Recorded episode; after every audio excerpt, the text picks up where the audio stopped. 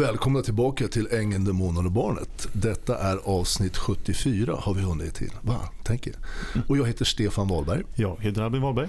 Och jag heter Ove Lundqvist. Idag tänkte jag faktiskt lämna över introduktionen till Stefan. Stefan ja. Ja. Idag ska vi prata lite grann om alla ni, oss som har med narcissister att göra. Vi som är runt omkring. Eh, och försöka belysa vikten av att vi inte förenklar tillvaron. Mm.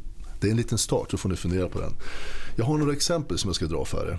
Och det kommer ju bli bra diskussionsunderlag, misstänker jag. Det är så det är tänkt i alla fall. Ja. Mm. Och är ni knäpptysta, då blir det en liten kortare podd idag. Så kan ja. vi säga. Aj då. Jag tror inte att det är det. Tiden får utvisa. Vi får skärpa till oss. Nu, nu kastar vi oss ut ja, chansen. Ja, det gör vi. Kör. Ja, men så här, jag eh, noterar ju, vi, vi som, ni som lyssnar och vi som sitter här har ju viss erfarenhet och haft och har kanske med narcissister att göra. Och hur de här funkar. Och vad är vår egen roll i när vi är runt de här och när vi hanterar. Jag tänker på dig Saga, Evas mamma. Jag tänker på du, nu kommer jag inte ihåg vad du heter ens en Pils fru. Eller alla ni som är runt omkring. Alla de här personerna som, som beter sig som, som de gör, de här narcissisterna. Och jag ska ge några exempel bara på hur, vad, vad som händer och hur de här liksom olika skedena eh, liksom går framåt. Så jag tar några exempel så ni ska förstå min poäng, möjligtvis, förhoppningsvis lite bättre. Vi börjar med exempel 1. Mm. Eva har ju nu sagt, det vet ju alla ni, eh, eller många av er som lyssnar och alla ni som är runt omkring Eva Stark denna oskuldsfulla lilla människa kan man ju tycka då när hon pratar. Men hon har ju då anklagat mig för att vara en sexuell våldtäktsman. Mm. Okej? Okay? Då kan jag börja den här podden med att säga att hej jag heter Stefan Wahlberg, jag är våldtäktsman. Därför att vissa tror ju det. Och då har ju ni eh, runt omkring Eva här hört det här, hur hon har berättat och hon säkert drar på hur fruktansvärt det här har varit genom alla år. Hon har anklagat mig för att ha sexuellt eh, gett mig på henne under massor med tillfällen under många år. Eh, och det har ju ni, du Saga, du varnade ju mig för Eva. Om du kanske har glömt bort det nu. Men jag fick höra av någon att du faktiskt lyssnar på podden. Och det är väl, det är väl bra någonstans. Mm. Kan man ju hoppas i alla fall. Att det, det, bidrar till något gott. Men alla ni som lyssnar har ju hört de här varianterna. Och då, ni som har lyssnat på Eva har ju hört hennes, hennes version av det här. Hur det här har gått till. Men ni har också hört, om ni har lyssnat på podden, om ni sitter här och lyssnar på podden, har ni hört i avsnitt 30 ett samtal bara en sak nu mellan mig och Eva. Förutom alla eh, sms som vi har faktiskt publicerat på Facebook och sådär mellan oss som är väldigt privata en del. Eh, så har ni ju hört Eva och jag när vi sitter eh, och mig när vi sitter och pratar om bland annat våran, vårat sexuella relation också. Och hon vid bland annat ett tillfälle tycker att jag, vi pratar om den sexuella relationen, hon tycker att jag tar för mig för lite när vi är ute och reser. För jag tycker att det är så skönt då att vi är ute och så. Jag kommer inte ihåg exakt orden. Men hon vill att jag ska ta för mig mer då, eller i alla fall mm. flagga för det sexuellt. Och det här är 2016. Då har vi alltså haft ett förhållande i över sex år. Och om jag säger så här, nu har vi visat så tydligt i den här podden. Och ni som lyssnar nu har hört det här många av er som lyssnar har också hört Eva, hur hon sitter och säger hur fruktansvärt, hur fruktansvärd jag har varit. Mm. Och då är min tanke så här, vad är det som gör att hon kan fortsätta? Vad är det som gör att du Saga och många ni andra fortsätter att väl, ni väljer att tro på Eva trots att ni har hört om, ni, om vi utgår från att jag inte har bluffat här nu och på något konstigt sätt fejkat samtal. Jag vet inte ens hur man gör det, jag ska inte ens försöka. Men, men ni är med mig. Det är så tydligt bevis man någonsin kan få. Ni har sett alla samtal där vi pratar också om, om sexuella saker och Eva bedyrar hur mycket hon älskar mig och sådär. Hur ni väljer att fortfarande inte tro, men jag vet inte, på något sätt väljer att det är den här versionen vi kör på nu. Det är nog något skumt i, i, i garderoben någonstans. Det har hänt någonting. Nu kör vi på det, vi som är nära Eva här, för det blir så krångligt annars. Mm. Men är det inte lite så här att man gör det enkelt för sig och man bryr sig inte, för man orkar inte bry sig, för att äh, det, det berör inte mig. Det är ju lite där vi är i det här exemplet. Det, det bekommer inte mig som lyssnare då, som mm. har fått höra. Ja, men jag, jag tänker inte på det här för att jag är inte inblandad i det här. Nej. Jag behöver inte lägga någonting i det. Men ja, säger du att det är så, så tror jag på det. Eh, och en narcissist kan ju vara så fruktansvärt övertygande i sina lögner och manipulationer. Att eh, vet du som eh, blir utsatt för det här inget annat. Du har ingen referens, du känner inte den här personen eller vet ingenting runt det. Du har bara en enda sida på historien och lyssnar på den. Och då tror du på den. Du orkar... Men gör man det egentligen? Alltså, jag vet inte om man gör det. Man, man väljer nog att... Eh, man blir ju en nickdocka för man bara, ja ja, ja, Man ja, tänker ja. att oj det här var komplicerat. Ja, men den som är mig närmast säger att det är så här. Då får jag utgå ifrån att det är så. Det blir lättast för mig. ja. Och sen kör vi på det, för Ja. det blir enklast. ja. Ja, men Det är ena- bekvämt. Om vi ska ta Evas mamma som exempel. Hon varnade ju mig Ja. för Evas hemska sida. Ni kommer ihåg ni som har lyssnat på avsnitten? Ja, men hon vet ju hur Eva är. Men sen när det väl uppdagas och, och det drar igång hela den här cirkusen, vad gör hon då? Ja, men då är Eva hennes dotter. Mm. Och hon sa till mig i sista samtalet, jag kan aldrig säga emot Eva för då vill inte hon komma hit och jag vill ha min familj samlad. Då tar man ju ett val. Hon vet ju hur det är. Hon förstår ju. Hon har inte varit med såklart när jag och Eva har umgåtts, men mer än när vi har varit där och tillsammans med henne. Men hon vet ju någonstans att det här är troligtvis sant, det jag säger. Alltså jag tror att hon, men hon väljer ändå att acceptera. Och då skjuter man bort, tänker jag, den Fast det här är väl biten. enklast för henne att göra det. Ja, men Ja, som men hon det, är sa. det är väl precis det som är grejen. Att det är det enklaste alternativet. Mm. Så hon orkar inte försöka tala förstånd i Eva. Utan och hon känner att okej, är det den här vägen Eva vill gå då har jag inget val, annat val än att bara haka på. Jag kan inte ifrågasätta, jag kan inte göra någonting för då förlorar jag min dotter. Det är ju det är lite som... Här, det det Pest eller kolera för otäcka det här det är ju liksom att den som sitter som en narcissist, narcissist oavsett om det är Eva eller vem fan det är. Va? Men eh, nu är Eva och hennes mamma då är involverad, eller hon blir ju, hon blir ju indragen i det här mamman. För att eh, hon, hon är nästan tvungen att välja att gå på sin dotters sida. Därför att det blir bara obekvämt och jobbigt och besvärligt att ta en annan väg. För det blir så mycket vad ska säga, konflikter, komplikationer och konsekvenser för eh, Evas mamma om hon väljer att sätta sig emot. Och Det innebär ju då att en narcissist har tydligen ganska mycket att säga till om. Är inte det lite skrämmande kanske? Ja, men det, ja, absolut. Och det är det. Och, och det man väljer i sådana här lägen, om vi tar det här, exemplet, det är att man struntar i de konflikter, eller de konsekvenser som faktiskt blir utöver. Ja. Det är väldigt Ja, det är egoistiskt. Det, det, är ja. det är också väldigt narcissistiskt att bara välja för sin egen skull. Att jag vill ha kontakt med min dotter trots att hon är personlighetsstörd på något sätt. Någonting är ju fel här. Mm. Om man ljuger så här mycket som hon gör. Hon har vetat om det innan, till och med varnat mig. Sen när det väl brakar loss, som hon har varnat för, Mm. då väljer hon ändå att stanna kvar. Alltså det blir ju något falskt över det. Hon kommer hem då Eva med, med barnen Mm. och det är ju Sagas då barnbarn. Och så har de den här lyckliga familjen. Men det är ju ett spel, det blir också en charad. Mm. Det blir ju inte ärligt. Men man kanske har människor den förmågan att bara skära bort. Alltså Saga har ju deklarerat det här. Hon vet ju om Mm. hur Eva är. Jag, jag tror hon vaggar in sig och många i hennes sits vaggar in sig själva i tanken att det är inte mitt ansvar vad den här personen gör. Jag kan inte ta ansvar för allt det Nej. den gör. Så då kan jag inte heller döma ut den helt och hållet. Eller jag, jag kan inte ta på mig skulden för det den gör för det är inte mitt ansvar så jag kan inte lägga mig i det. Och det blir lättare, man väljer den lätta vägen för att i det här fallet så kände hon att okej, Eva har eh, hennes barnbarn. Hon, Eva är hon själv, Sagas barn. Eva har nu mera en schysst summa pengar som Saga kanske får ta del av om hon har lite tur. Det, hon har, känner att hon har allt att vinna Mm. på att bara hålla med henne och allt att förlora på att ifrågasätta henne. Och eh, då väljer man den lite ryggradslösa vägen och bara sätter på skygglapparna och låtsas som att det inte finns några problem med det. Mm. Man köpslår med sanningen helt enkelt. Ja, det gör man. Det är Ja, man gör. definitivt. Och sen är det ju så här att eh, jag tror att Saga då har ju en helt annan relation till Eva än, än eh, din relation till Eva. Så hon jämför inte dem på något sätt utan hon går ju från sin relation. Och Det är möjligt att hon också blir utmanövrerad och manipulerad och allt möjligt men hon väljer att tro på Eva. Vilket gör att hon följer med i samma båt. Mm. Ja, men det kanske är. Och sen är det ju hennes dotter, det här med ens egna liksom barn. Eller hur, kanske föräldrar, men framförallt barn i det här fallet. Då. Att man kanske, hur långt är man beredd att gå? Jag, menar, jag tror jag pratade om det någon gång förut. Det här med om ett barn begår det värsta brottet. Alltså typ eh, mördarna eller något sådär. Något, något hem, det hemskaste brott du Ja. kan tänka dig. Hur länge ska man stå kvar?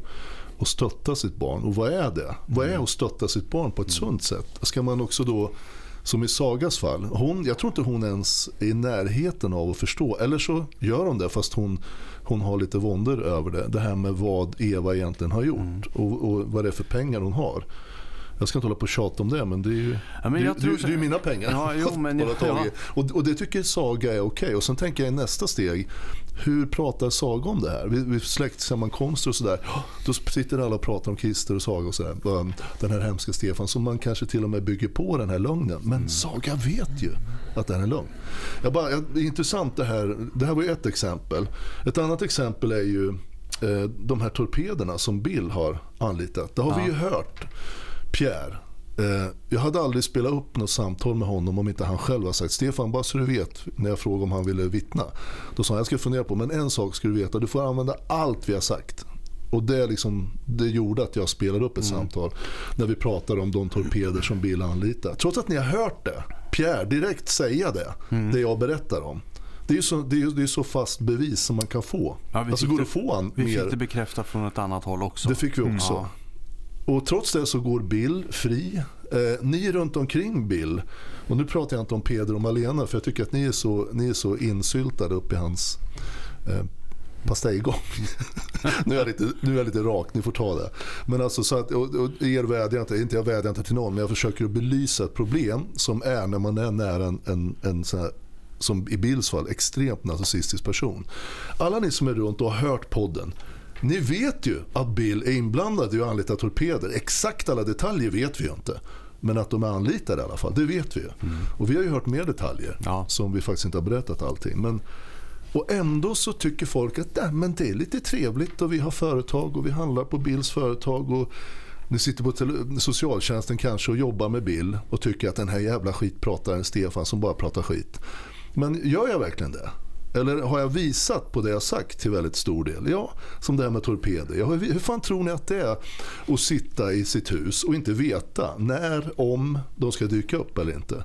När vi hade startat podden så fick vi reda på att hade ni från, från säker källa, att hade ni inte startat podden så hade du nog inte varit vid livet nu. Bland annat av det vi har fått reda på. Det är flera som, det är några som har hört av sig med väldigt specifik information som vi vet stämmer. Men trots det så ni runt omkring Bill, liksom har ni, finns det anledning tycker ni att till exempel att eh, ändra bild eller ska man ta in det? Eller ska man välja, nej det är så extremt det här. Likaväl som att anklaga någon så bisarrt som Eva har gjort i första exemplet. Det är så extrema omständigheter så att är det så att man, man, man orkar, man klarar inte att ta det. Nej. Man vill hellre skjuta det åt sidan, sätta sig med telefon och slå på Facebook och bli underhållen lite grann. Mm. Är ni med? Exempel tre här i, i det här innan vi går vidare ut i världen lite grann. Det är ju det var länge sedan vi pratade om det, men, men jag hade ju telefonnummer som jag hade någonstans mellan 20 och 25 år innan jag Ja, just det. Ja, som jag hade när jag träffade Eva, som jag hade när jag reste ut i världen, i Amerika, i Asien, Europa. Alla, jag hade ett enda telefonnummer då. Ja. Och alla jag någonsin träffat på hade mitt telefonnummer. Det var liksom min kontakt ut till alla människor. Japp, och jag Alla försökte, lösenord. försökte få tag på dig. Ja. Och eh, det var ju väldigt mystiskt kring det där. Och sen till slut så får jag ett jävligt konstigt sms tillbaka och det är någon helt annan person. Så jag var ju, eh, det var ju Ja. Josef som hade ditt nummer. Precis. Och jag, jag, fatt, och, så jag fick tag på dig till slut. Mm. Men det var ju också via omvägar. Men Vi ska berätta vad som hände då. Det var ju att jag skrev ju mitt, min telefon på företaget, vilket man kan göra då. Jag skrev Ja. in så jag lät då INT Group ta numret. Och som ni kommer ihåg så är INT Group min och Evas företag där. Mitt och Evas företag. Det stod ju på Eva. Så det var ju hon som var firmatecknare. Alltså fick ju hon ett snilleblixt där hon kände för att bara beställa ett nytt kort. Och sätta in det själv. Och ta telefonen när konflikten började. Varpå min telefon stängdes av. Och jag bad att få tillbaka det. Och då hävdar de, Eva via advokater som var inblandade då att Nej, det här numret är så viktigt för företaget, för guldkornet, så att det måste vara kvar. Problemet är att de använder inte det numret i företaget överhuvudtaget. Nej. Först, var det, för, först hade hon bara låg i några månader. Och sen så hade Josef och hon det hemma för att lyssna på vilka som skulle ta kontakt med mig. Det är, ju, det är så paranoid så det jag tycker Mm. synd om dem båda två. Alltså att, att, det, att man gör en sån här grej och inte lämnar tillbaka sitt telefonnummer. Mm. Det var ju förknippat med mig i så stor grad så att det är helt bisarrt. Och det har aldrig använts fullt som någon slags nummer för guldkornet. Men ändå, ni, som, det är, ni är några runt omkring som vet om det här. Men det är liksom ingen som gör någonting, ingen som säger någonting eller sådär. utan- Och det har ingen betydelse hur ni eh, ni som är runt Eva, och Bill var inblandad i det här också, i det här beslutet att, eh, att, att behålla det här numret. För de ville ju veta vad jag pysslade med och vilka som försökte ta kontakt med mig. Och som sagt, du Ove ringde ju eh, till slut, eller sms och försökte få tag på mig för du trodde att jag fortfarande hade kvar det numret. Då fick Ja. du nog svar att eh, Stefan har inte det här numret, han vart sparkad och han är en bilskojare. vad fan var det han sa? Nej, alltså han, han undrade vem jag var. Ja. För- För han eh, svarade ju inte när jag ringde. Jag fick bara en massa konstiga sms tillbaka. Och så säger han så här. Du har ringt och messat mig flera gånger. Stefan Wahlberg är en gammal bilskojare. Det här är Josef Stark. Och då frågar jag. Men varför har du hans nummer och hur får jag tag på honom? Frågar jag. Då svarar han det här. Det här har varit mitt nummer sedan han fick sparken 2017. Ingen aning om hur du får tag på honom. Och då svarar jag bara någonting. Nu fattar jag ingenting men jag får lösa det på annat sätt. Och det gjorde jag ju. Ja. Men eh, och då gammal bilskojare och att du har fått sparken. Det, det, här, det, det här med smsen, det får väl stå för stjärnskottet Josef Stark. Eh, helt ärligt. Och då, då ska ni veta det att jag hade ingen aning om vad som, höll, vad som försiggicks Nej. överhuvudtaget. Ja, då visste du ingenting. Nej, jag visste jag, ingenting. Jag tänker att vi får ju lägga det i samma fack som gången när Fan var det tingsrätten eller Skatteverket som ringde och han utgav sig för att vara mig då i princip och sa att du hade gått bort och skit. På samma nummer ja, precis. Ah, ja. Som de Skatteverket nummer. ringde det numret för de trodde att det var till dig. Han svarar och säger att han är din son, vilket då skulle vara jag Mm. eh, vid det här laget. Och säger att nej, han har gått bort, jag vill inte prata om det. Vilket också är helt jävla uppåt väggarna. Alltså, det där säger ju en del om liksom hur, hur den här soppan har liksom bara växt. Ja. ja, men också det här att, det, att det, nu var ju jag, på den tiden så hade, jag, hade det här hänt igen, då hade jag åkt och så här bokstavligen lyft Bill Engman i örat och sagt att vi gör upp nu och sen så får du klara dig själv, jag klarar mig själv. Det gjorde jag inte, jag valde att ta en lite mer försiktig position och liksom, jag tänkte att rättvisan får väl ha sin gång här. Och jag kunde faktiskt då inte drömma om att de kunde dra på såna här lögner och att de kunde gå i land med så mycket som de har faktiskt har gjort. Ja, det är mycket som har gått i land väl säga. och så, så får man ju säga att det är. Liksom. Och det nu har jag totalt släppt det här bakom mig för det, det är så, det är så bisarrt. Men vi sitter ju i alla fall och gör podden och därför att vi Mm. vill bjuda, bjuda er på liksom all, allt som har hänt. Men, men de här exemplen är ju ni som är runt de här människorna, framförallt Eva Stark och Bill Engman och några till runt omkring som har hjälpt dem. Ingen av er, eller många av er ska jag säga, de, ni fattar ju att det här inte stämmer. Jag menar Josef vid det här laget, nu är hon skil, eller han skild med, med Eva förstår jag. jag. Jag vet faktiskt inte men sist jag hörde. Och har väl gissningsvis, och jag hörde någon sa att det var någon konflikt, att han hade skälen av pengar av Eva eller vad det var för någonting. Jag vet inte men jag har inte en aning. Men, men vad som stämmer och inte stämmer. Det är många som hör av er och det är jag jätte, jättetacksam för. Det ska ni veta. Men det är också mycket information så vi, vi, liksom, vi vill ju, ska vi gå ut med någonting då vill vi verkligen veta att det är 100-100. Eh, Så, så säkert så att vi själva är helt övertygade. Men det är mycket information om de här och Eva och Josef verkar ju inte vara helt på samma klang i alla fall. Nej, det var Så- väl... Så, så jag kan tänka mig att Josef har, har, fått upp ögonen. Om man inte visste det då när det här hände eh, hur det egentligen var så kanske han vet det nu, möjligtvis. Men jag menar bara att det finns så många runt omkring som, har, som inte gör någonting, som inte säger till Eva, men vad fan Eva, det här stämmer jag hörde ju ett samtal du och, och Stefan hade i, i avsnitt 30 i podden. Där säger du det här och här, det stämmer ju inte med att du, alltså ingen av er tror jag har sagt det, någonsin. Och ingen har sagt till Bill, men vad Alltså, fan, jag vad fan tror- jag Anita, tror inte du de vågar. Nej, det är möjligt. Det är möjligt att det är så. Eh, Och då, Man, man, vill liksom kanske är inte, man vill inte komma i, i konflikt med någon som man kanske sitter i vad ska jag säga, beroendeställning på. mm. Ja, men så, kan det vara. Eh, Men, ändå, det finns ju sådana som inte är så innässlade med Ja, dem. men ti- titta bara på de som är, jag, lever jag, i jag par. tänker så här, just de som inte är så innästlade, de har inte heller tillräckligt mycket intressen av att engagera sig. De känner bara, "Ah, ja vad fan är det för jävla soppa, vem bryr sig, skitsamma. ja, lite så är det. Ja. Det tror jag. Ja. Eh, Det är väl de som är närmast som eh, Det är de som De har något att förlora de på det ja. som skulle kunna ha tillräckligt nära starka band till hela Mm. den här konflikten för att kunna känna bara, anledning att göra något åt det. ja, de har ju bara något att förlora på att gå in i, Ja. i strid för det här. För det, det kommer ju, de kommer ju aldrig, för de har ju sett uppenbarligen hur de har gjort med dig. Mm. Och de vill inte, de vill inte bli another you. Så. Nej, nej men där, det kanske är rätt nära svaret i och för sig. Men samtidigt då, så jag tror ju på att vara väldigt rak och ärlig och autentisk och leva i stunden och ge raka feedback. Om du Ove till exempel skulle, eller om du, men vi säger du som Mm. exempel nu bara, skulle göra någonting där jag känner att men helvete, alltså du har lurat någon och tycker Mm. att det är lite roligt eller vad som helst. Eller du har sagt en sak till mig och så får jag reda på att det här stämmer ju inte. ett dugg. det, det skulle du... Ja, men jag, jag skulle Ja. inte låta det passera. Nej, nej, du skulle skulle säga, konfrontera. vad fan har Ja. hänt här? Och du skulle förklara, ja, men hur fan är det här? Det här har ju hänt. Mm. Vad fan, kom igen. För så här kan du inte göra. Det är det minsta kände jag Ja. att man, eller hur? Då? Jag kan inte se framför mig att jag skulle bara, ja men okej, jag håller mig till Ove här. Men det kan vara så här också att eh, man sitter i en situation där man har en... Nu, nu, går jag liksom, nu släpper jag de här personerna, nu går jag över liksom på något annat. Man kan sitta i en situation där man har en nära vän eller till och med kanske ett barn som lever med en full, fullständig narcissist. Men man vill inte gå in i krig därför att man är rädd. För, för oftast är det så att den som inte är narcissisten i förhållandet, är ju, den, den går ju in i försvarsposition och skyddar den som är narcissist. Och skulle man då ge sig på det här, då har man tappat sin vän eller sitt barn eller vad det nu är. För att de kommer säga så här, okej, vi vill inte ha med det att göra. Och sen så lever de sitt liv.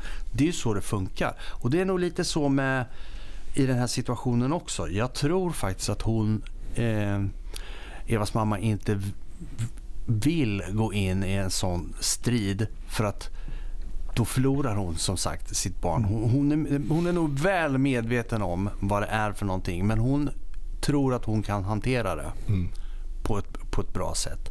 Det är inte säkert att hon kan det, men det finns ju också möjligheter att hon kan kontrollera. Att det, det, det här finns inte riktigt så fullt utblommat i deras relation. Utan de kan ha en annan relation än vad vi tror. Är alla människor kapabla tror ni att skärma bort en sån här grej? Alltså tänk dig, om Saga Eriksson Pålsboda, hon, är ju, hon bor i Pålsboda, hon är ju perfekt exempel på eh, det här med hon till och med har varnat mig. Så händer det hon har varnat för, någonting som Mm. liknande som hon varnat för. Hon har ju varit med om, hon vet ju liksom den här hemska sidan. Och alla detaljer vad som har hänt och vad hon vet, det, det sa hon ju inte. Hon bara sa att man, Hon kanske tänker så här. ja, men jag tänker mår hon dåligt av det? Alltså, tänker på, Nej, vet du vad jag tror? Ja. Jag tror så här. Hon har redan varnat dig en gång. Och du, du, har, du får skylla dig själv som har gett in i det. så. Ja, jo, men alltså. Ja, men jag tror hon- det kan så kan- så- så kan det faktiskt vara. hon använder det som en del i sin, I sin liksom, process ja. sin process. Jag har redan varnat honom, vad ska jag göra? Jag har redan sagt till Ja. dig en gång så jag, det är ditt eget fel och ditt Din eget problem. idiot, du borde ha ja, fattat. lite Ja. så. Men det, är ju- varnar det, men det är ju inget hon pratar om med någon. Att jag Nej. varnade faktiskt honom och nu hände det här. Utan hon låtsas ju om som att inte det här överhuvudtaget har det är nog hänt. Och att. Eva inte är som, som hon är. Ja, det är enklast för henne. Skapa ett friktionsfritt liv. Argumentet. Ja. Men, men jag tänker på människor runt omkring också som, så att vi har ju haft många samtal. Ja. Jag, jag väntar ju fortfarande på någon som vet väldigt mycket. Vi har ju fått massa olika och som sagt återigen jättetacksam för er, ni som har hört av er. Jag är jätteglad för minsta lilla grej för då kan vi pussla ihop saker. Men att någon väldigt nära ska ringa och ni kan ju vara anonyma 100% med mig. Det finns inget snack. Jag skulle aldrig nämna någonting om vi inte är överens om det. Så ni kan vara toksäkra på det. Men att någon verkligen kunde ge mig information om att de har sett det. Bara, som, bara för, för det, det är som ett sundhetstecken. Liksom, att någon, om inte annat för den som ringer och hör av sig. och sen kan det också messar. vara för att få det verifierat från flera håll. För ibland så eh, kan man få eh, information som är, kan låta osannolik tills man får det bekräftat från ett helt annat håll. Då, då kan man känna okej, det är så här. Och Det är väl kanske det som är viktigt också. Så, så allting som man får, får till sig eh, stärker ju bara liksom alla argument som man har. Jag tänker min springande punkt i den här lilla, lilla starten på podden här nu, nu har vi kommit en bit. Det är ju, alltså vad är det som gör att så många människor gör det här och går med på de här tokigheterna och till och med kanske man, man tar bort det, det, för alla har ett eget ansvar för vad man gör och Mm. tänker. Om man ser någonting, om, om jag går ut och går och jag ser någon kvinna som blir antastad och sånt där. Det har hänt några gånger. När jag var yngre vet jag, stod en kille och slog en tjej och jag gick fram direkt och Mm. var tvungen att brotta ner och sådär. Men, men alltså att, att man, man gör, kan man göra någonting så tycker jag att det är ens skyldighet att göra det. Mm. Och ibland kan man inte. Hade det varit, hade det varit en kvinna här och kom med en stor man som står och slår, då kanske det är direkt olämpligt. Slår en kvinna, eller slår en kvinna kan han slå, slå två. Så Mm. situationen är ju lite olika. Sådär. Men kan man göra någonting så, så känns det viktigt för en själv. Att man strä, ska vi inte sträva efter att vi är ärliga och schyssta mot varandra på något sätt? Vi kan ju leva så. Som att vi har det lugnt och tryggt. Vi kan lita till en viss nivå på de flesta människor runt omkring. Men och då det- måste man ju bjuda man till och bidra till det här själv. Det kan man väl tycka är en normal, vad ska jag säga, ett normalt sätt att eh, förhålla sig till saker, det du säger nu, att man vill göra så och leva ett sånt liv. Men det, det är ju tyvärr så att det är inte alla som gör det. Ja, men, och, och då min... Och då undrar jag, varför? ja. Ja, Vad, men- är ja, det då, ja, men- vad är det som då felar när man, ehm, jag ska säga, man tänker bara på sig själv. Mm. Jag, jag, jag. Och bryr sig inte. Jaha, du ligger där och blöder. Jag gör det du. Hoppas det går fort. Nu går jag vidare. Ja, men Jag man, man, man skärmar av det på något Ja. sätt. Och jag tänker, är det en liksom ett mänskligt, och det är det väl på något sätt, att man kan skärma av saker för att, för att liksom gå vidare. För det är klart man kan inte gå och deppa ner sig över allting. Men just att om man kan, Evas mamma till exempel, återigen, hon skulle ju kunna göra någonting. Mm. Men det gör hon inte, utan hon bara accepterar det. Ja, men vi kan gå, gå ifrån eh, de här som podden handlar om lite grann till lite vidare ut i världen. Det här, vi har tagit upp det förut, kriget mellan Ryssland och Ukraina. Nu är ju Ryssland, det är ju Stefan. Den där jävla våldtäktsmannen. Ryssland, den är jävla Putin. Eller hur? Mm. Men, men då har vi liksom glömt bort att, jag, är, jag tycker båda om, jag träffar ukrainare och ryssar. Jag tycker jättemycket om dem, alltså folket som bor där. Det vill jag verkligen betona. Jag, har, jag liksom tycker det är så jävla tragiskt att de skulle ha på bråka med varandra. Men nu pratar vi om de som leder de här konflikterna och sådär. Putin är ju nu den stora busen och Zelensky han är, ju, han är ju den som ska hjälpas. Alla vill hjälpa honom. Helt utan någon slags kritik. Och då tänker man inte på att jag menar, tycker man någonting annat så kanske man ska våga säga. Även fast alla tycker att Ryssland är ju för jävligt vad el, eländiga de är och Putin är ju helt galen. Man har glömt bort att Ukraina bland annat var innan det här drog igång var ju ett av de mest korrupta länder rent alltså systemet där politiskt sett som, som, som fanns. Och det vet man ju. De hade ju problem med det. Och jag menar, nu plötsligt så är alla för, för Putin som sagt, och nu är han då stora busen. Jag menar, Ukraina har ju, har ju sitt, sitt också med i den här konflikten. Men varför tog de den här Krimhalvön, heter det va? Den här första svängen de gjorde. Ja, det var ju för Ja, att 2014. ryssar som bodde där, mycket pensionerade, eller pa, pensionerade kanske de var, men pension- pensionerade ryssar som bodde där. De var ju mer eller mindre, enligt vad jag förstår och vad man kan läsa sig till, mobbade av ukrainska, ukrainare som bodde där. Och de hade jättejobbigt där. Och det var en av de bidragande orsakerna till varför, varför Putin ville sätta stopp för det här. Då gick han in och tog det för att säkra lugnet där. Hur det nu var med det här, men det är i alla fall, det är ju en del i den bilden som är. Och nu har vi sett då motsvarande argument lite grann. Så konflikten som i det här fallet först med Eva och Bill, det är inte så enkelt. Men är man inte, ska man inte gå in och försöka klura ut hur det är och försöka se till att de slutar, att, det- att det blir någon slags fred här. Och, och så går vi direkt, ja. Ja, alltså det, hela det där kriget är så otroligt komplicerat. Mm. Det är ju det som gör att det blir så svårt att greppa det överhuvudtaget. Det, det är ju liksom...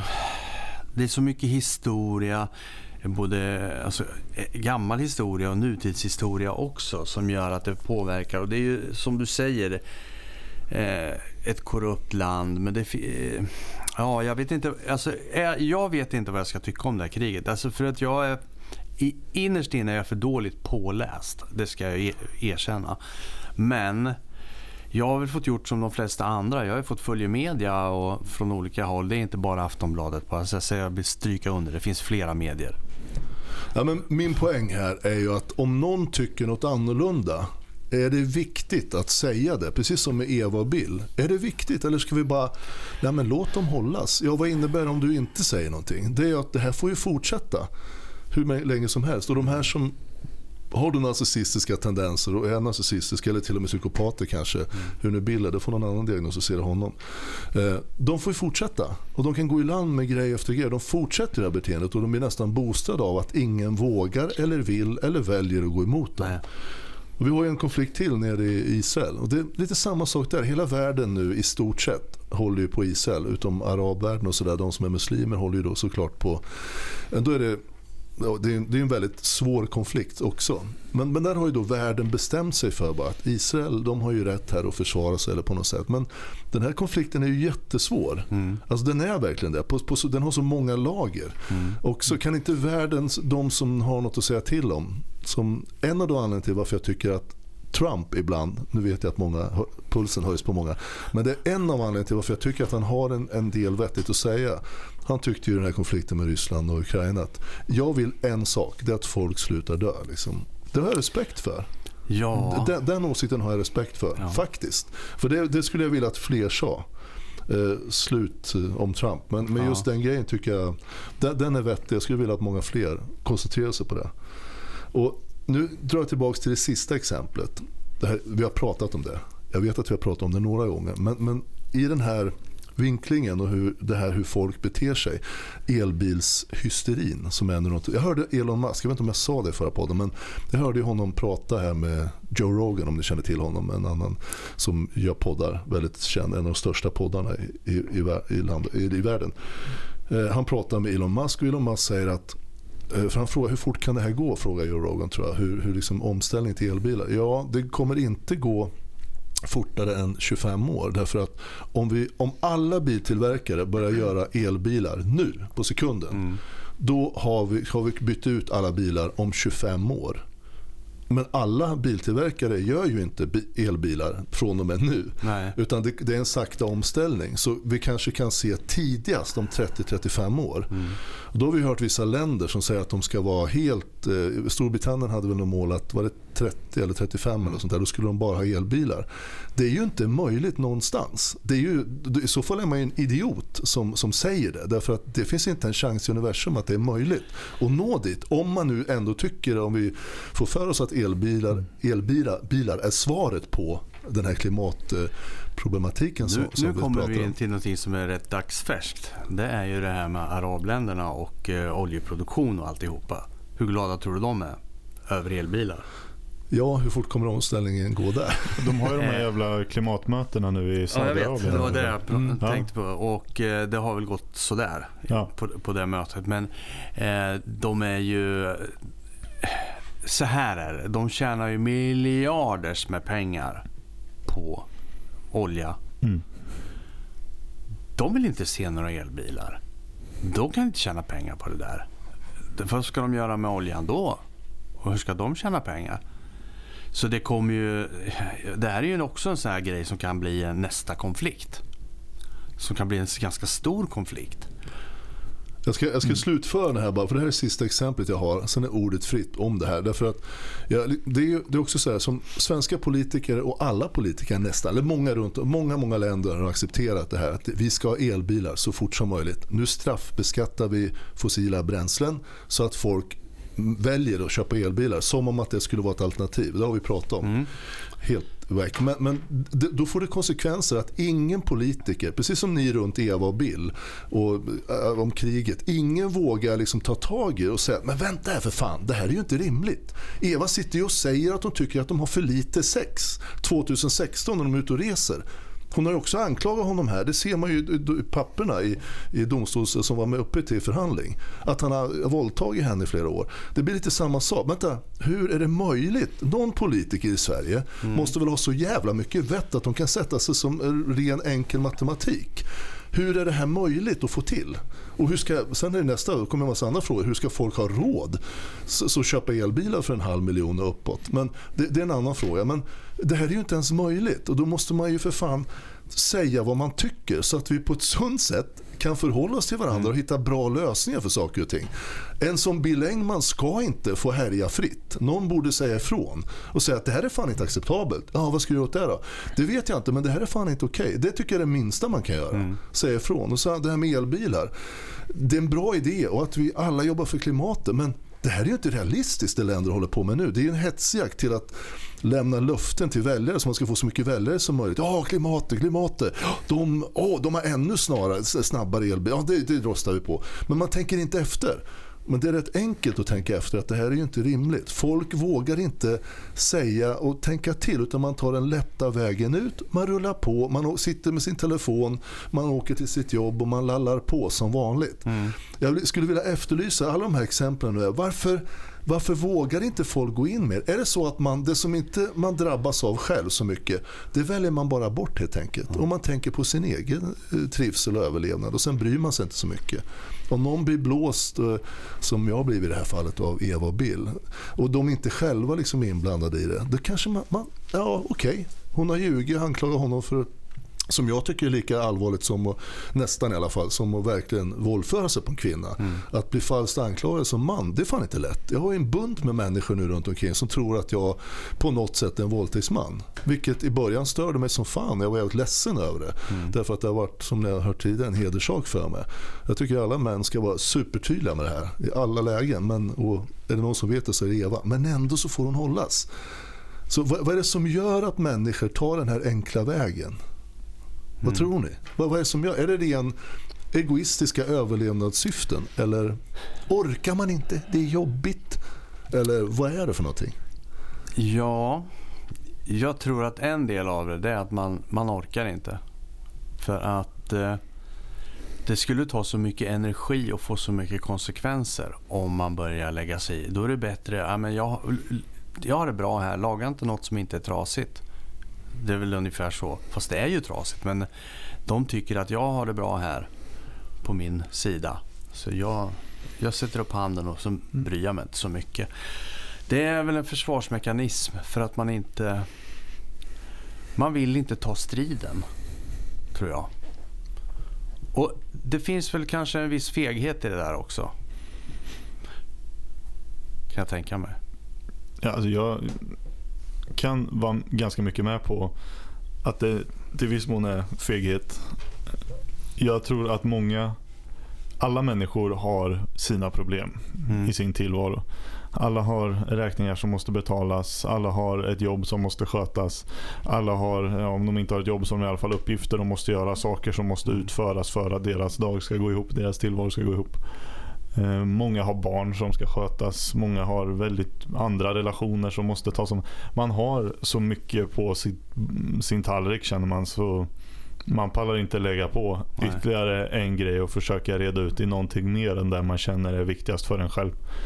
Och jag menar det är, det är något man kan relatera till själv lite också. Jag menar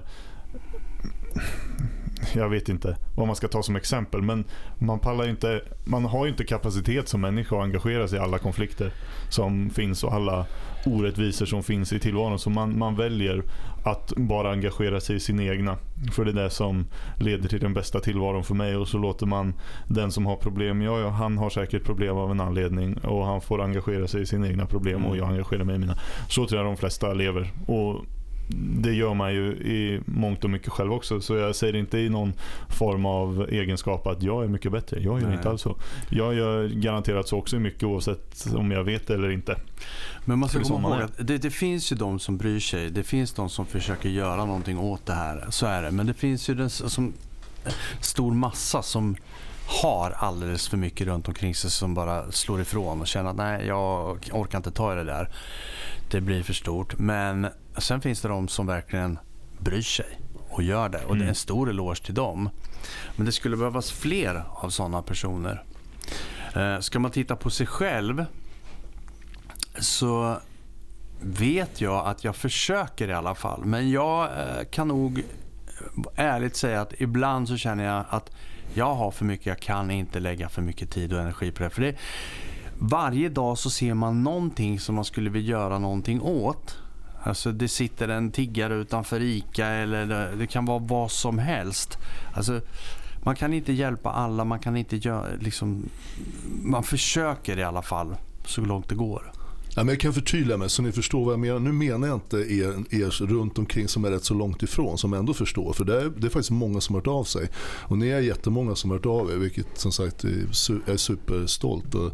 Det har bidragit väldigt mycket till, till den här podden, eh, hur den fortsätter. Men jag tänker på er mer som är så pass nära. Det är därför jag tog exemplet med Evas mamma. Hur hon kan fortfarande gå och Fast vara det, det, helt det, handlar, det handlar om lojalitet. Ja, Mm. men vad innebär lojalitet? Ska Det- man skydda en mördare även fast det är din son eller pappa det, det, eller det mamma? tror jag folk gör. det, det, det, är väl ja, kommer de, de, till. de slår ett nät runt omkring Mm. sig. Det här är vi. Mm. Och sen är man där. Och sen är det så här också. Har man suttit för nära en narcissist eller en kriminell person eller vad det nu än är. Då är det svårt att ta sig ur det där. För man sitter i en beroendeställning. Som är ganska stor. Och lämna sånt gör att det, det kommer stora konsekvenser. Både ekonomiskt och även i, liksom, Social. socialt. Mm. Ja. Så man tappar en massa. Så Någonstans så kan jag förstå att man sitter kvar så länge det går. Mm. Ja, men jag, jag, jag, jag förstår de här sakerna med, som du säger. Men mer bara det här vad är det som gör. Därför att dåliga saker i världen generellt, nu tog jag ju som sagt var sex exempel här. Men, Mm. får ju fortsätta så länge inte tillräckligt många säger att det här är fel. Liksom. Eh, som de här exemplen jag tog. Eva jobbar ju på så mycket hon orkar och kan. Hon har, marginellt så har hon påverkats av det här hon har gjort. Eh, Lika med Bill Engman. Bill Engman har ju en förmåga att ljuga enligt mitt sätt att se, personligt sätt att se, som är helt makalös. Fast fr- frågan är så här, hur många har de som är nära sig? Jag tror inte att de har så stort nätverk runt omkring sig. som är, utan Vad de gör, det är att de ljuger och manipulerar de som är utanför för att försöka dra dem till sig. Men en del de säger bara nej och så går de därifrån. Så att det är svårt att bygga upp och har man hamnat i en situation där man då, vad ska jag säga, är uppenbart manipulativ då tar man ett avstånd och tar några steg bakåt och släpper det där. Och det gör ju det att deras nätverk krymper. Men det nätverket som de har förmodligen väldigt starkt. Jo, jo Ska, precis. ska eh, ta en annan växel, ett annat perspektiv, en annan formulering snarare på lite samma grej. Det är för att göra någonting åt en konflikt som man inte är direkt inblandad i. Det är inte jag som har en konflikt med någon utan det är någon som står mig nära som har en konflikt Mm. med någon. Då i många fall så behövs det ju nästan i det närmaste liksom ett religiöst levnadssätt. Ett, man, man har hängett sig till ett högre syfte där man står för det som är rätt och inte det som är eh, gynnsamt. Eller vad ska man säga? Mm. Kortsiktigt eh, gynnsamt. Och eh, att man är villig att utsätta sig själv för stora risker för enbart i den, den, vad ska vi kalla det, rätta vägens syfte. Att, den, att stå för det som är rätt. Enbart i syfte att stå för det som är rätt. För att jag vet att moraliskt Mm. så är det här som är rätt. Det utsätter mig för risker och jag har väldigt lite att vinna på det. Men det är rätt därför jag gör det. Det är väldigt få idag som har det perspektivet på tillvaron tror jag. Som är villig att offra någonting, riskera att offra någonting bara för att stå för det som är rätt. Man står fast och håller sin position även när det börjar blåsa. eh, För att i praktiken skydda någon annan. För att eh, värna om samhället i praktiken. Värna om någonting större än en själv och ens omedelbara omkrets. Nu är vi ändå inne på det här, det du säger nu. Det här är lite grann, vi kan ta tillbaka. Om vi ska backa tillbaka hur hela det här började med den här podden till exempel. Jag gjorde precis det vi pratar om. Mm. Du kommer till mig och berättar här och jag säger eh, jag, jag hjälper dig. Jag gör det här. Sen var det väl från början så var ju då tanken att jag skulle göra en viss del. Men sen har det här växt ut och sen har jag liksom tagit, det har blivit liksom mer och mer. Men vad har jag gjort med det här då? Jo, jag har hjälpt dig att att liksom hitta ett sätt att formulera, inte formulera utan mera göra en... Du hade så himla mycket att berätta. Och det blev du bara kokade över hela tiden så här så man var tvungen att plocka det i luften och sen försöka dra ner det på en tidslinje som gjorde att det blev begripligt. Och det satt ju du och jag Albin och höll på ganska strukturerat Mm. och, och satte ihop det här. Men jag gjorde vad jag kunde med min kunskap och min kompetens för att hjälpa dig att få ut din historia. Så jag har ju liksom gjort, eh, vad ska jag säga, en gärning eh, på det sättet, det jag kan. Och vad, jag har gjort, vad är det jag har gjort då? Jo, jag har lagt en sjukt massa timmar på att göra det här. Eh, och Det är ju någonting som man kan uppmana andra att göra. Man behöver inte göra för alla. Man kan göra lite grann. Och Sen behöver man inte göra så mycket. Det, det, det får man ju väga av från situation till situation. Vad man behöver liksom stoppa in i någonting. Det kan vara att du eh, skänker pengar till forskning. Det är också en sak att göra det. Eller du kan eh, bjuda hem någon till jul som sitter ensam. Det är det tråkigaste som finns, att sitta Mm. ensam över jul. Men har du möjlighet att bjuda hem någon som är ensam över jul, gör det då. Mm. Alltså, det, behöver inte, och det behöver inte kosta någonting. Bjud dem på lite mat och du får, du får trevligt umgänge. Och du, utanför dörren, som, den som lämnar ditt hem sen, det är en glad, lycklig människa som har haft den bästa dagen på hela året. Och det lilla du har gjort då har gjort jättemycket för den här personen. Som ett exempel. Mm. Ja, Jag kan bara haka på. Jag, jag kan ju verkligen intyga att både du, framförallt du Ove, men du också Albin, ni, ni har ju verkligen gjort det här möjligt. Och du har lagt ner jättemycket jobb, du har ställt upp med din utrustning. Vi har fått, nu är vi så uppe i så mycket lyssningar nu så att vi har fått erbjudanden om att köra reklam men vi har valt att inte göra det. Vi kör det här, du gör ju det här bara för att du vill hjälpa mig initialt att få Ja. ut den här historien och vi ska försöka att förmedla någonting viktigt.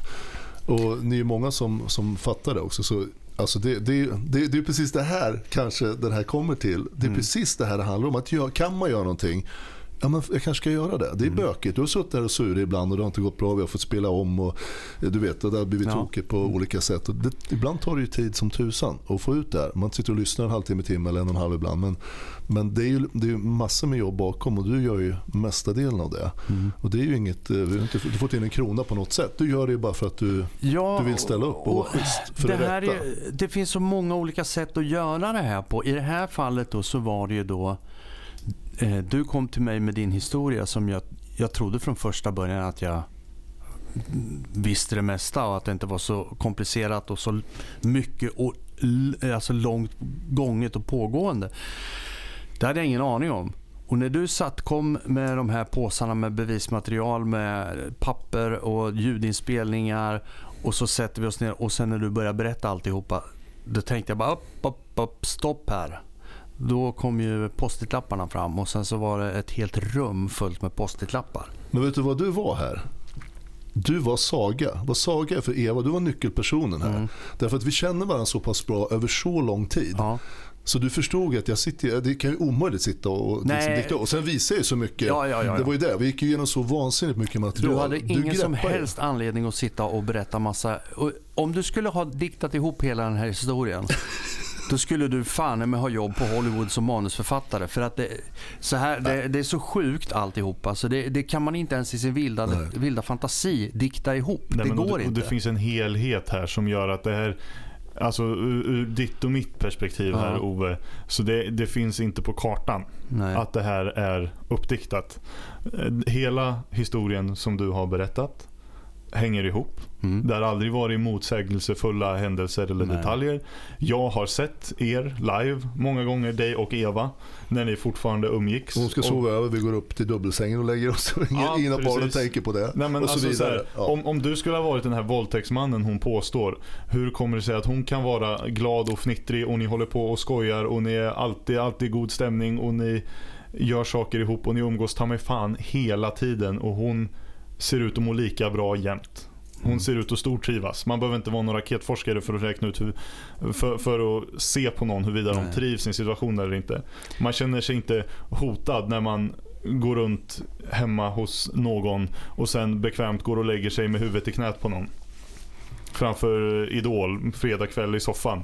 Det, det, är- det är inte en person man känner sig hotad av. Nej. Jag, jag, helheten i det här. Ja. Det finns inga tvivel i världen Nej. om huruvida det stämmer eller inte. Så för er som lyssnar, ni, ni får ju ni, ni som inte har Ni har ju sett så mycket vid det här laget så jag hoppas ju att ni, ni känner som vi gör. Men eh, för oss som har diskuterat det här, i det här ämnet till absurdum. Ja. Eh, det, det finns ju inte. Nej, Och i det, hennes version finns det hål som vi har pekat på många gånger vid det här laget. ja, det är många år. Motsägelser Ja. och så vidare. Så, nej men hela den, att du har varit med och bevittnat din story. Eh, att jag känner dig sen så långt tillbaka i tiden. Jag vet att, alltså, eh, ja, att du skulle ljuga för mig, det är helt otänkbart. Och att komma med några överdrifter. Ah, att du säger att det har varit svinkallt och, och sånt här när du har åkt novemberkåsan, det kan jag ta. för att Och när du säger att det är så kallt som man ville dö. Men det, det fattar jag. Men du ska ju, få följa med och åka Nej, det ska jag inte alls. Jag är inte ett dugg sugen. nej, men alltså det, det finns ju vissa saker som gör... Och sen så kände jag bara på en gång, ja, jag ska hjälpa dig. Vi gör det. Och det gjorde jag bara för att jag ville. Och det är det här det handlar det om. Det handlar Gör någonting. Och för att det är rätt. Det är det rätt för att, att det är göra. rätt. Det, och det Du, vet ingen... att, du visste att det skulle Ja. ta tid och, och vara jobbigt bitvis Att det skulle fan. ta så här mycket tid, det hade jag inte ens i min vildaste kunnat räknat ut. Men nu blev det så. Men jag tänker det här med att hjälpa till, det kan vara precis vad som helst. Mm. Det behöver inte vara det som jag har gjort nu. Det här var det jag valde att göra. Sen har jag gjort andra saker också. Men försök bara lite till mans att eh, titta er omkring och fr- ställ er frågan, vem kan jag hjälpa idag? Inte varför ska jag hjälpa någon? Utan vem kan jag hjälpa idag? Du kanske redan har förstått varför du kanske kunde eller borde göra det och du gör det. Nej, men vi har ju en, en grundanledning till, väldigt stor grundanledning till att vi gör podden. Det är för att försöka att prata om det här för alla som är i samma situation. Kanske kanske narcissist själv eller ni är utsatta för narcissist eller ni är runt omkring och ser det här på något sätt. Och en sak kan ju- jag kan säga, för jag vi män vi är tyst, vi ska ju lösa saker och ting själva och sådär. Men jag gick och funderade på det rätt mycket. Jag började träna som fan här och liksom för att försöka och, och liksom bygga upp min styrka. För det är även, även jag. Eh, man blir lite svag och lite vinglig ett tag och man vet inte riktigt vad man ska göra när det mosas på den här typen av anklagelser. Det blir mastodontjobbigt. Jag ser mig som en man, jag är stolt över det, den människa jag är och sådär och de värderingar jag har och hur jag är. Men, men de här mastodont liksom, anklagelserna, det händer saker. Så, så det, det påverkar en. Och gör det inte det så är man ju helt iskall annars. Det vore ju konstigt. Och i det där så betyder det otroligt mycket. För mig, jag har ju kunnat lagt av med det här helt och hållet. Tack vare att vi har gjort podden. Så jag kanske till och med är skyldig dig er två mitt liv. Helt ärligt. För att sånt här påverkar. Jag vill påminna om det Malena sa när jag bara berättade för henne. Det har jag berättat redan i podden. Stefan, när den här konflikten hade börjat. Då säger hon, det är Malena, en av Bills närmsta. Stefan, alltså folk dör av sånt här så du vet det. Jag vet precis vad du pratar om. För hon hade ju varit med om folk som Ja. hade, han hade gjort likadant mot. Men Stefan, folk mår dåligt, de blir sjuka, de dör av sånt här. Mm. Det vill hon kanske inte kännas vid nu, men det var precis det hon sa. Och jag, det, jag, det, det, så finns är ju, det. finns ju möjlighet. Hade du haft lite svagare psyke så det kanske har gått så långt att du hade tagit det i ditt liv till slut. Det vet man ju inte. Nej. Nej men alltså folk gör det tror jag Mm. absolut Ja. av sånt här. De blir av med alltså, allt de det- äger och har och de Det är blir en sån anklagade för... jävla press liksom, och hela tiden blir utsatt från liksom, lugnkampanjer Mm, från mm. olika håll. Hur ska man kunna värja sig när man inte ens är i närheten och kan försvara sig därför att du har blivit utkastad ut i, liksom, Mm. ut i rymden. Så här, Mm. poff, du kan inte säga någonting men vi kommer baktala dig och du kan inte försvara dig. Man vet att det Vi pågår, men det finns vi- ingenting jag kan göra. Vi har kontrollen här. Mm. Vi styr det här sk- skådespelet. Och du står bara som en eh, åskådare och bara ser hur saker händer Ja. runt omkring. Och så får du bara höra att hurdan du är. Och då, då, då är det minsta man kan göra det att försöka gå in och sen säga okej men berätta din historia. Berätta som den är. Ja. För du fick det inte bli hörd bland Bill och Evas äh, vänner och, och eh, liksom arbetskollegor och allt vad det Nej. nu är. Där, det berättade de men nu har fick ju du möjligheten att berätta publikt för alla. Mm. Det här har hänt.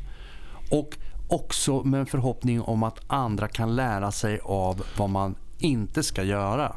Ja, men får mer förståelse för det, alla ni som är inblandade i något sånt här. Och var inte rädd för det ni gjorde. Ni tog ju tid att lyssna. Du har ju varit med väldigt mycket Albin i det här Ja. hela vägen. Men, och du, du har ju en insikt i det som väldigt få har, om någon har det. Men, men som sagt, det här med att ser ni det här och någon blir utsatt och le, eller lever med tillsammans med narcissist. Var inte rädd för att säga liksom att bara, jag tror jag ser vad som pågår. Bara så du vet, jag är din vän och jag finns här. Vill du prata så och avsätt en timme eller två, kanske mer med, över en lång fika och sånt där, eller några fika. Du gör en otrolig insats för att gå bygga på liksom bära på allt det här. Det är fan, det är, fan, det, det är en jävla mastodont eh, liksom, uppgift som inte alla klarar. Och så är det. Åtminstone plantera en tanke hos den personen. Mm. För det, det, jag tror det sämsta man kan göra det är att ligga på. Eh, därför att då kan det få motsatt effekt. Att den här personen går in i försvarsställning och sen tar avstånd ifrån dig. Men går du in som du säger, jag är din vän, jag Ja. vill berätta det här för dig. Jag vill bara att du lyssnar och sen får du ta det för vad det är och sen får vi hoppas att du gör någonting åt det. Och är det så att du vill ha den fortsatt hjälp så finns jag där. Ja. Och Men ibland kan man bara säga att jag finns Ja. här så du vet det.